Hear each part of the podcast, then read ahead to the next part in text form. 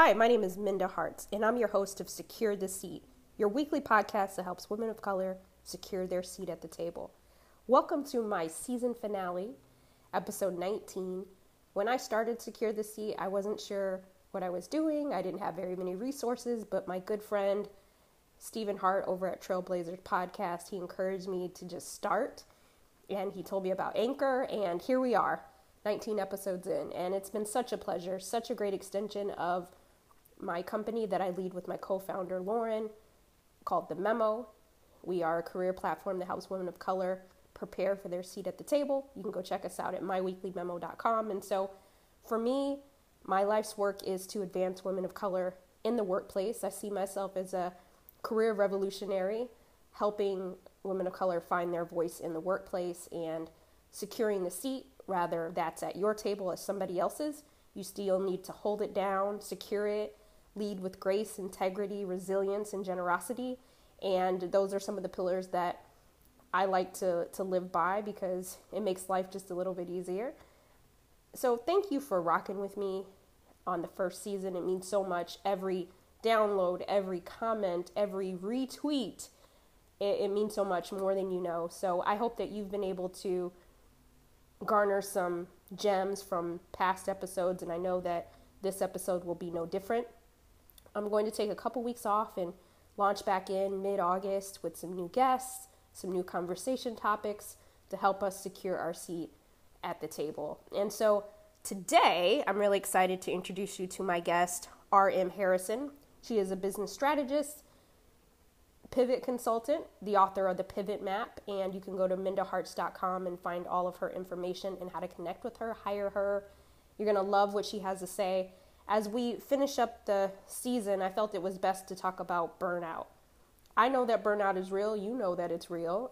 sometimes we burn ourselves out. Sometimes external factors burn ourselves out. But I thought it was great to have RM on the show so that we could talk about what that looks like. And sometimes in the periods of our burnout, or as I call them, sliding down the wall moments, we have to reset and pivot. And she's going to talk to us about that today. And as you secure your seat, you might have to make a pivot. I know I've made tons of pivots in life, period, and some pivots even when I started the company, the memo. And so I know you're going to get what you need out of this segment. Make sure that you share it with others because we don't want to hoard good information. We want to help others secure their seat as well. So without further ado, my conversation with RM. Thanks. RM, welcome to Secure the Seat. How are you? I'm wonderful, Minda. Thank you so much for having me. Yes, I'm excited about our conversation. Before we get started and jump into it, tell our listeners a little bit more about you. Yeah, well, so I am a pivot consultant and business strategist. I work primarily with women entrepreneurs to help them navigate change when they've found themselves at a motivation plateau in their businesses and they're trying to figure out what's next. Um, and most often that means either evolving their current business or parting ways with that business and focusing on a new venture so that they can find a path to meaningfulness, satisfaction, fulfillment in their work and not burn out um, while they're trying to reach their potential. That's awesome. You said something that has been on top of mind for a long time with me in terms of burnout. And as each of us are trying to secure our seat in whatever modality that is, sometimes we do hit burnout. So let's talk a little bit about that.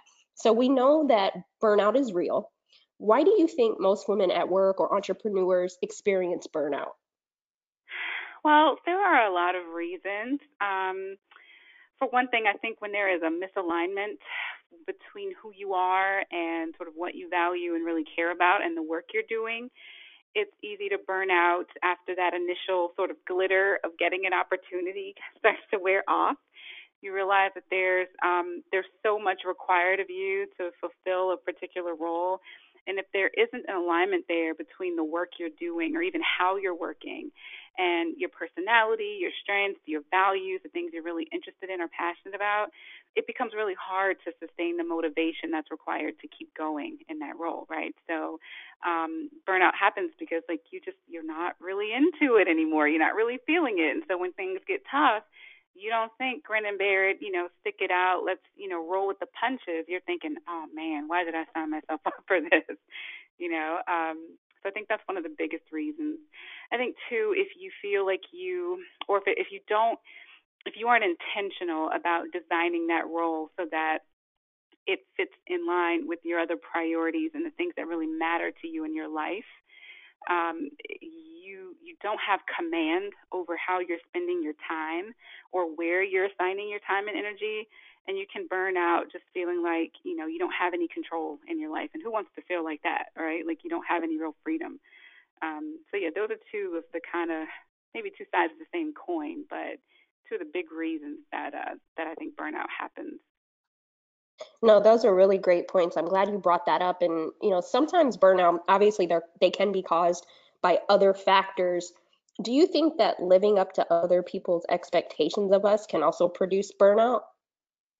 I think so. Um, whether it's people's expectations or just certain obligations that you've taken on uh, without real consideration of yourself and what you really want and value. Um, especially with entrepreneurs, I find that you know there's this need to um, show the picture of success, right, and almost to your detriment, where uh, you know you have to hustle really hard to maintain this idea of having it all together or being available to people or you know whatever it is, being busy, right? Because like being busy is like the ultimate marker of success, apparently. That and. Right.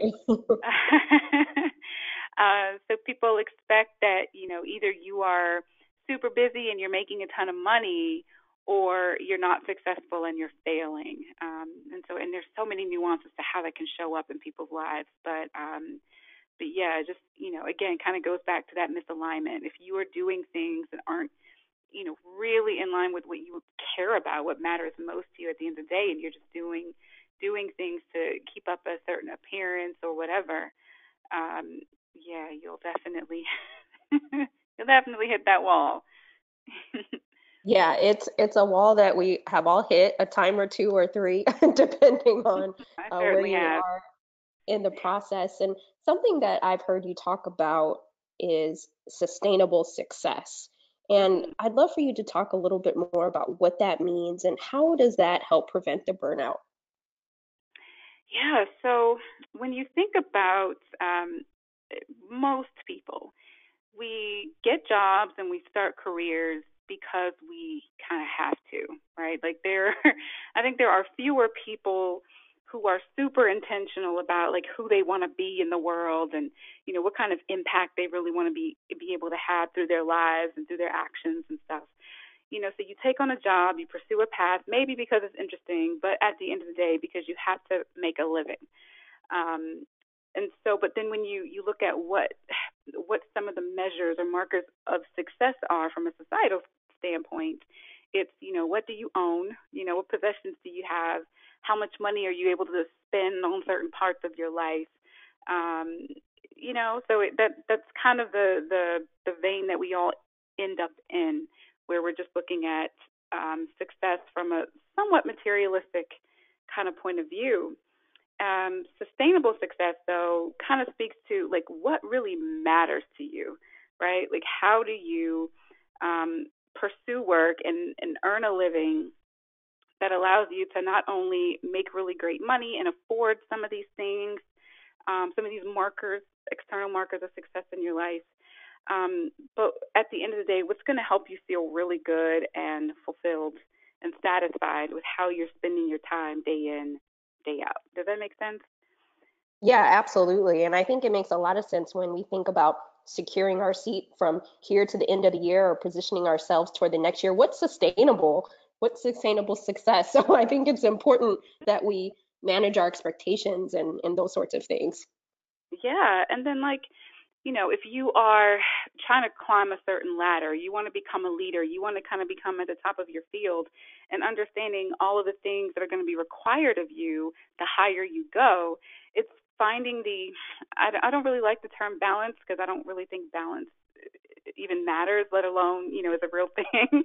um, but how are you able to prioritize your work with the rest of your life so that all the parts of yourself are being nurtured and tended to you know, and not just this one part of, you know, who you are and your life, which is work.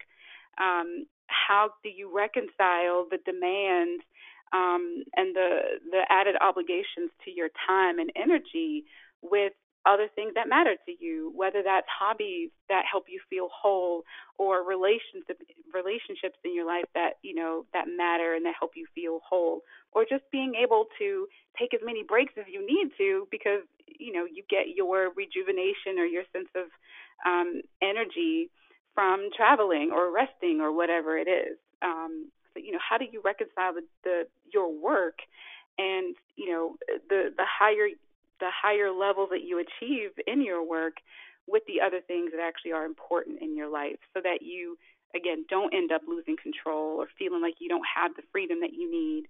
Um, so you don't end up suppressing the other areas of your life that you know fill your cup if you will. Um, so yeah sustainable success success. What's going to keep you from feeling like you've you've invested so much of yourself into something and now you have nothing else? Um, but yeah.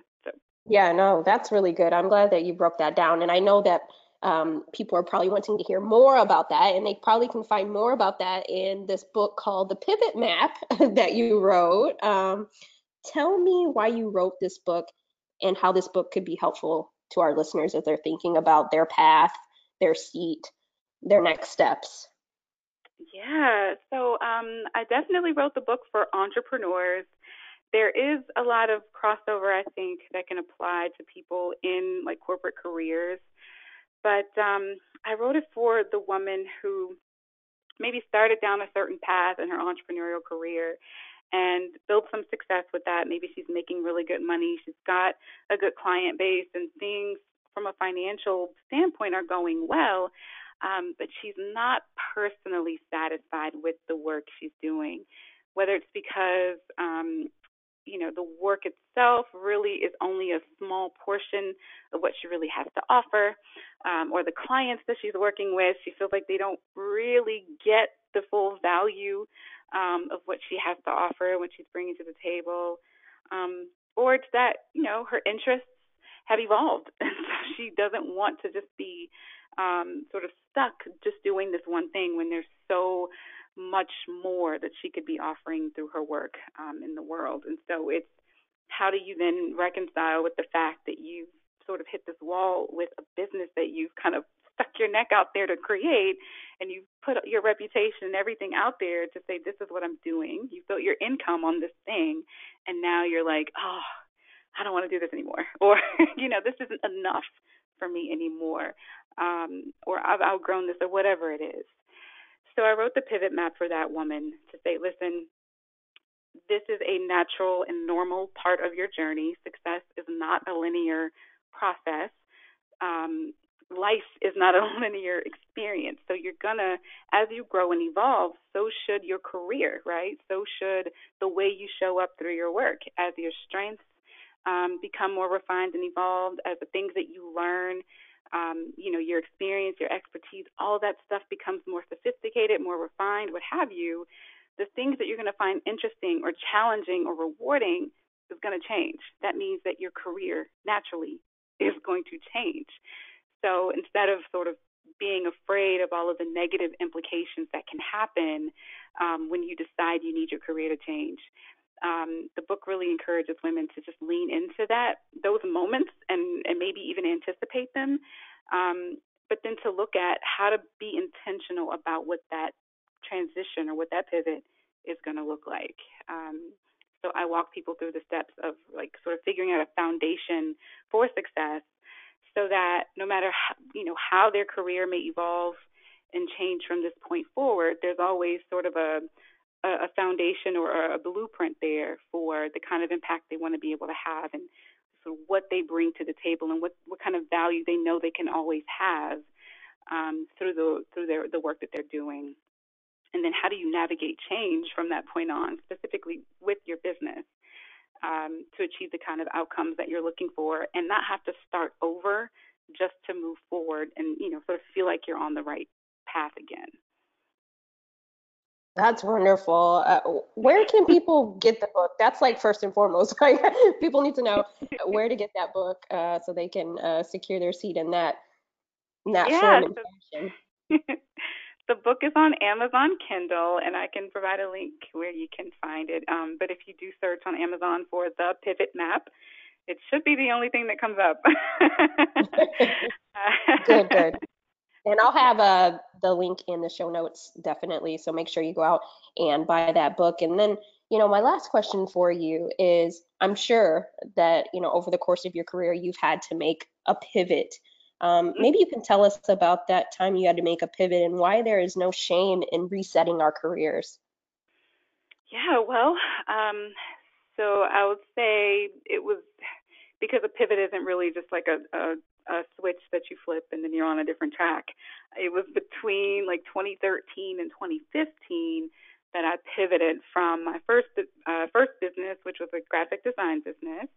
Uh, I had done that for about three years, and honestly, about six months into doing that business full time, I realized this is not what I want to build my career on. Oh my God! Uh, and I went through all the motions um, of trying to figure out how do I keep this going because this is the primary driver of my livelihood, you know, my income.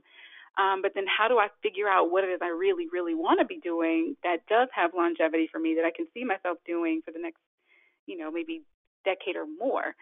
Um, and because I didn't ha- have the support to understand um, what I was really after, what I was really looking for, I kind of ended up just hitting a wall, right? So kind of what we talked about earlier. Uh, didn't love the clients I was working with. I wasn't really excited about the work I was doing anymore. I felt like there was more I had to offer the world, but couldn't figure it out and still focus on this work that I was doing and this business that I was building. Um, so I kind of like fell face plant into burnout to the point where like everything just came to a screeching halt and uh, spent uh, a good amount of time, you know, trying to figure out what was next for myself, alone, on my own, what have you. Um, which actually is the premise for the work that I do now. Just realizing that what I needed to understand about myself wasn't what was going to make me the most money and make me the most successful as a business, but what was going to be the most meaningful for me and what was going to allow me to have the greatest impact just with who I am and the kind of value that I know I can bring to the world. And then a big part of that was an understanding, of course, what is that value, right? Like how do you how do you put a finger on that? How can you pinpoint that and be able to convey that uh, to the rest of the world? So um, so going through that whole journey, that whole process myself, and kind of coming up with what I consider some principles for sustainable success I realized that there were probably a ton of other entrepreneurs who were struggling with the exact same thing. And turns out I was right. Um, so, yeah, that was the big pivot. I think what I was always clear about was that I really cared about helping other people um, like achieve their dreams and like realize their potential and the and the, the kind of impact they could have. Um, but you know, understanding tangibly how that could look and then how to shape that into work and then shape that into a business that would make me money, you know, all the things. Go, going through that journey sort of helped me uh, realize that this was something that was kind of missing out there when you think about the coaching and consulting that is available, um, you know, to people with not only developing their businesses but developing their careers and sort of, the, you know, the, their body of work, if you will. Um, yeah, like that was sort of the the experience that helped me realize like this is something that I could do for people. This is something that was needed um, that I could offer, and yeah, that's kind of what sparked the start of the work that I do now. Awesome, that's so good. I'm I'm glad that you you told that story because I think that as women, women of color, we need to hear that we're not the only one sometimes that has to kind of reassess and figure out you know how how do we make this work for us in a real tangible kind of way and so i'm, I'm glad to hear that so please everyone go out and purchase the pivot map and if you're in a space right now and you're thinking about your next steps or what you want to do in the coming year that it's important that you have that and it's okay to pivot. We've all been there, done that, and there's probably a series of more pivots we all have to have. but um, RM, where can people find you, connect with you, hire you? Let them know. Yeah, and and I just want to add in there too before I go into where people can find me. Um, you don't have to start from scratch, and I think that is a, a big fear that holds people back from even approaching a pivot. They know that they're at a point where they need to change, but they just won't even deal with it because they think I have to start entirely over. And you really don't, you know, you really, really don't. And that's why it is important to to find someone who can kind of help you connect the dots um, to figure out what's next for you. But then, how do you leverage the experience and the momentum and everything you've already built, that success you already have, uh, to support your transition into whatever is next. So yeah, just needed to say that because you know it's one of those things that keeps people stuck unnecessarily. oh, that's good. Um, I'm glad you did that. Thank you. so in saying that, though, you can find more about my work, find out more about my work on my website, which is rm-harrison.com. Uh, you can also learn about what I offer in terms of the consulting work. Um, I'm also going to be launching a program soon to help entrepreneurial women explore career change. Um, so I'm happy to share information about that as it comes more available and gets more shape and form. Um, but yeah, and if you just wanted to keep in touch with me and you know stay up to date with what I've got going on, I actually recently relocated to Austin, Texas, so I've got some new Austin adventures that I share about on social media. You can find me on Instagram at underscore hello rm harrison, LinkedIn um, just rm harrison, and then on Twitter at hello rm harrison.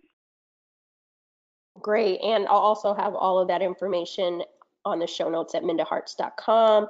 Congratulations on your new mo- move to Austin. Uh, for our Austin listeners, make sure you connect with RM. And before we get out of here, my two bonus questions. I am a lover of grits and rap lyrics and can't let you leave without telling me what is your favorite rap lyric and why? Oh my goodness. Uh, gosh, if I had to pick a favorite, um, I guess it would be by Lauryn Hill. Um, it's not really a rap lyric, but her song "Everything Is Everything." Are you familiar with that one from the Miseducation? Oh yes. yeah. yes. it's just you know like life is life, and you know things are going to happen, and you just have to kind of keep going and um you know, just trust that what you're what you're here for, what's meant for you is is it's there. You just kind of got to keep going for it. That's what I take away from it. And plus, it's just a really cool jam.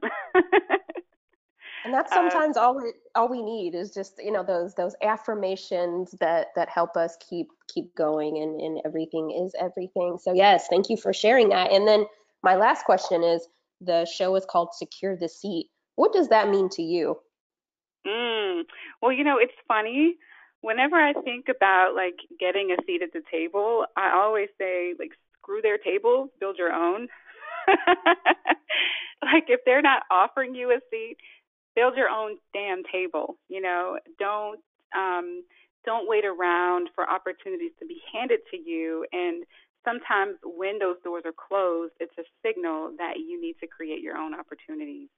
Um, so, of course, securing a seat at the table is great, uh, but there may be greater impact, uh, greater promise for you if you just sort of step out on faith and just build your own damn table.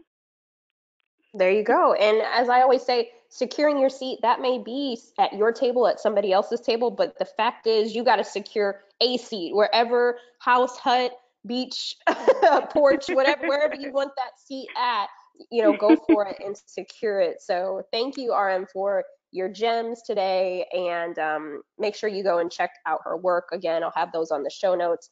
And much success to you in your new um, Austin, Texas living space. So we'll chat soon. Thanks, Minda. Thanks so much. All right, take care. Wow, I really enjoyed that episode. I know that you got some good nuggets out of that as well. And so the next time that you meet a pivot or hit burnout, think of some of those things that RM mentioned and also connect with her and hire her if you need some further guidance or buy her book, The Pivot Map. It's been great. I hope you'll go back and listen to past episodes while I take a short break. And if you haven't had a chance, please go to Apple Podcasts and leave a review, a rating, tell us your favorite episode. When you make those ratings, it signals to Apple and the powers that be that Secure the Seat is a good podcast, and we want to make sure that women of color all over the world have the resources they need to succeed in a workplace that sometimes isn't built for our success. And I couldn't finish this season without leaving you with something that has been a signature of mine as a lover of grits and rap lyrics. There's a, a, a woman by the name of Millie Jackson uh, for my old school folks, and she has this song uh, called Leftovers. And I was thinking about securing your seat and what that means, as well as just thinking about our careers. And I don't know about you, but I don't want anybody's leftovers. I want what's for me. I don't have to covet anybody else's because I know what's for me is for me. But in doing that, sometimes we might be working at a place right now that isn't necessarily for us. And our jobs might be treating us like the leftovers or like giving us some crumbs. And we're not here for that. And there's a, ple- a piece in Millie's song that says, I don't see how some folks can be so dumb. No, you got nerve to think you're living good but all you getting is trounced. All you're getting is my leftovers.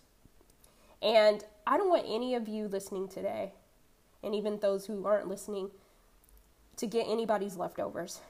You might be thinking that you're living good, walking into that company, making however much you're making, but if you're not at the seat that you want to be in, or the powers that be don't come to you for advice or offer advancements or promotions.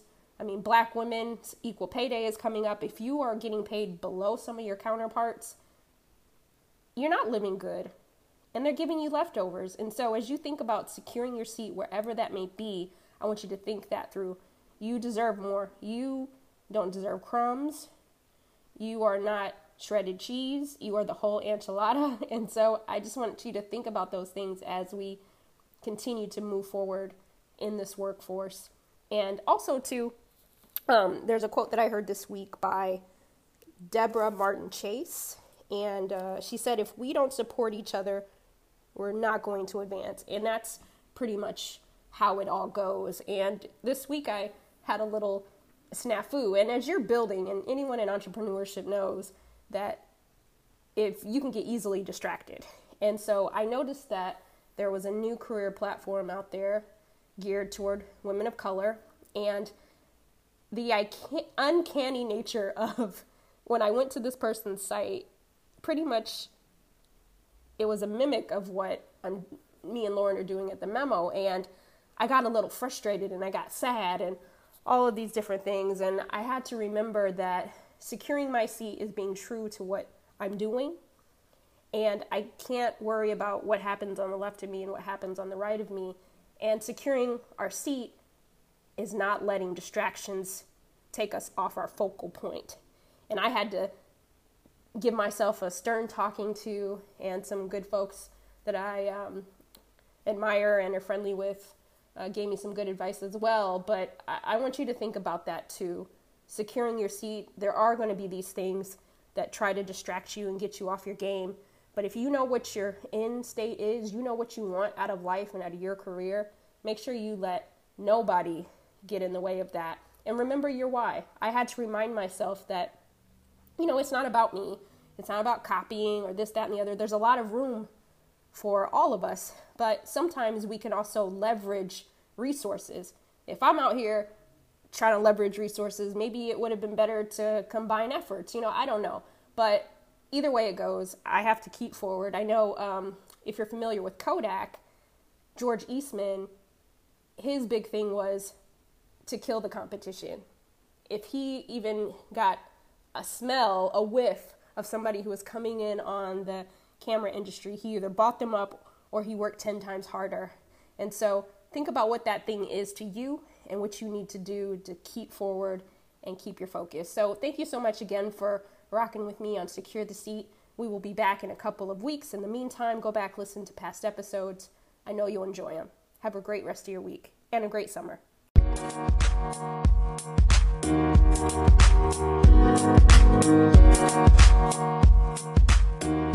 you.